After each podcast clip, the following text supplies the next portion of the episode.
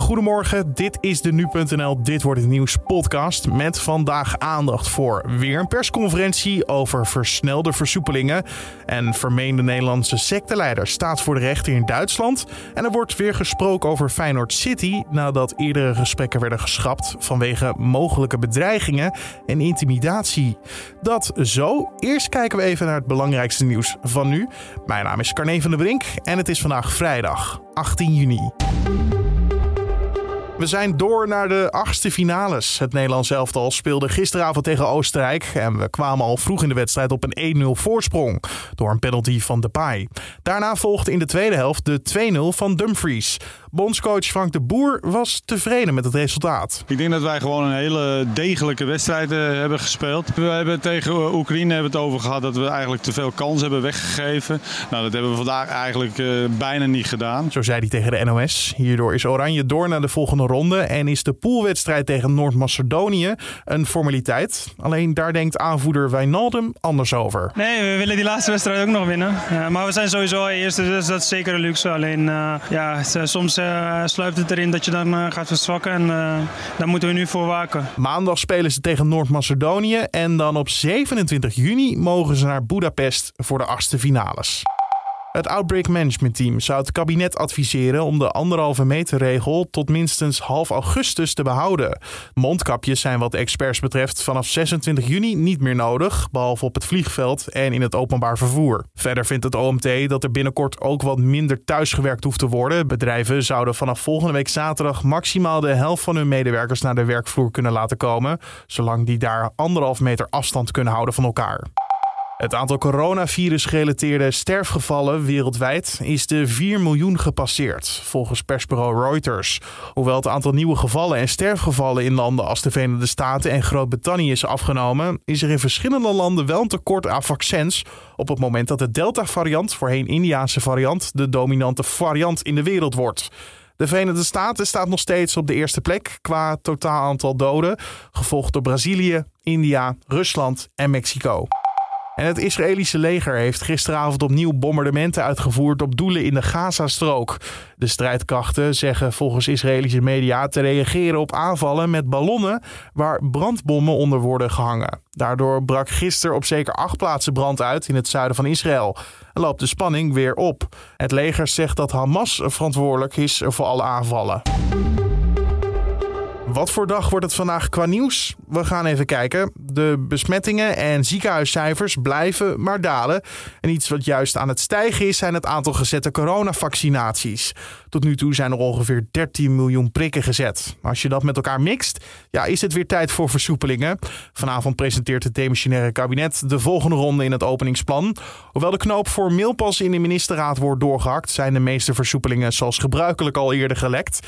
Je hoort het net ook al een beetje in het OMT-advies. Vanaf 26 juni zou horeca tot middernacht open mogen en kunnen restaurants weer 100 gasten ontvangen. Thuis mag je weer 8 mensen ontvangen in plaats van 4 zoals nu. En voor alles geldt dat we nog wel de anderhalf meter afstand moeten kunnen bewaren. Ook kijken ze naar het thuiswerkadvies en de mondkapjesplicht. Vanavond om 7 uur horen we het definitieve besluit van het kabinet. Dat kan je live volgen op onze site en natuurlijk in onze app. En vandaag start het proces tegen een 58-jarige Nederlander die door de Duitse politie als een secteleider wordt beschouwd. Een opmerkelijke zaak en we hebben daarom onze redacteur Robert van der Linden gevraagd waar deze man van verdacht wordt. Ja, het is uh, zeker een opmerkelijke zaak en ook vrij luguber als je hoort waar deze man allemaal van uh, verdacht wordt. Seksueel misbruik van kinderen, verkrachting, geweld, vrijheidsberoving. Het is echt een, uh, een behoorlijke waslijst. Uh, zo zou hij een uh, inmiddels 25-jarige vrouw van kinds af aan seksueel misbruikt hebben. hij zou haar gedwongen om bij hem te blijven in het klooster in Duitsland, waar hun gemeenschap gehuisvest was.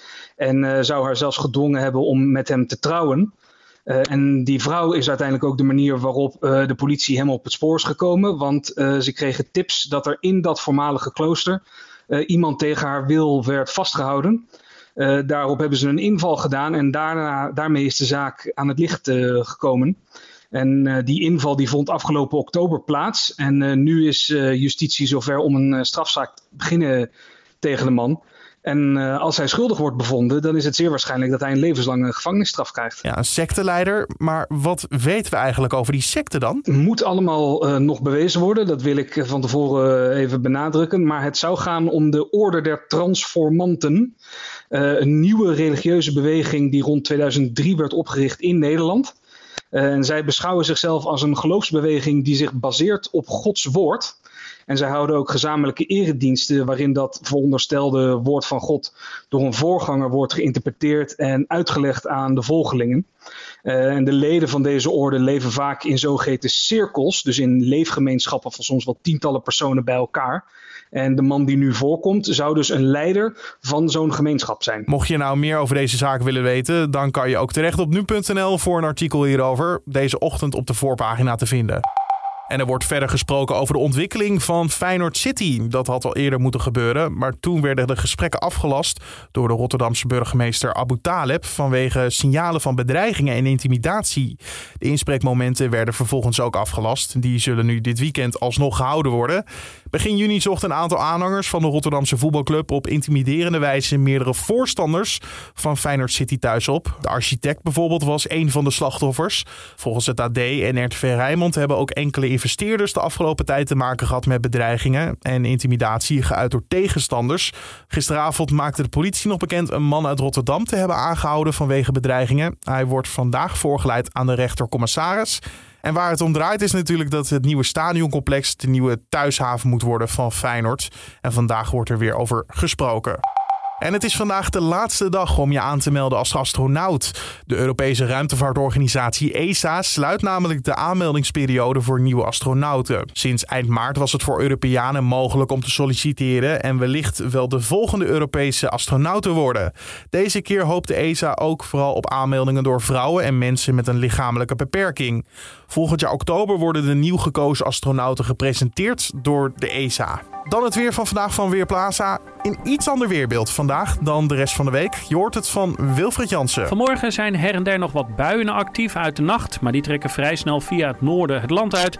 En vervolgens breekt vandaag enige tijd de zon fel door. En wordt het broeierig warm. Met langs de oostgrens zelfs nog temperaturen van ruim 30 graden. In de loop van de middag komen in het zuiden van het land nieuwe regen- en onweersbuien tot ontwikkeling. En deze buien trekken ook naar het noorden. Zodat uiteindelijk later vandaag op veel plaatsen weer rekening gehouden moet worden met fors onweer. Ook kan het plaatselijk tot flink wat regenwater komen, hagel en forse windstoten. Pas in de loop van de nacht keert de rust terug in de atmosfeer. Dankjewel Wilfred Jansen van Weerplaza. En om af te sluiten nog even terug naar het EK. Want gisteren zat de Johan Cruijff Arena goed gevuld met mensen die waren getest en wel. Uh, ik denk dat we ook massaal hebben gekeken via de televisie. En natuurlijk werd er ook gekeken in de mooiste oranje straat van Nederland, de Marktweg in Den Haag. Die kregen vlak voor de wedstrijd nog bezoek van een bijzondere gast. Ik denk wel de stad dan, joh. Ik denk de koning, de koning komt in één keer de auto uit. Burgemeester erbij, Jootje Verzamelen erbij. Oh, kan niet. Jootje, willen, we willen jullie bedanken. Kampioenen Marktweg in Den Haag. Yeah! Koning Willem-Alexander was er dus, samen met de Haagse burgemeester van Zanen, om vast in de stemming te komen. Zij hebben er gewoon de mooiste straat van Nederland gemaakt, Oranje Straat. En ze verdienen gewoon de aandacht. Want de samen, samenbindende effect, samenhorigheid, de eenheid die het uitstraalt, dat is precies waar Oranje voor staat en waar het Nederlands elftal voor staat en waar deze straat voor staat. De koning nam ook een kijkje in de partytenten waar de buurtgenoten samen zaten te kijken, zoals te horen bij het AD.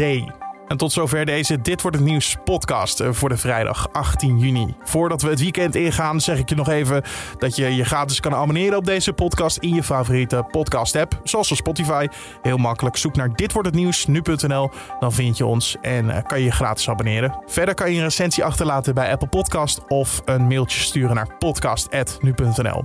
Mijn naam is Carne van der Brink. Voor nu een hele mooie dag vandaag, alvast een heel fijn weekend en tot de volgende podcast.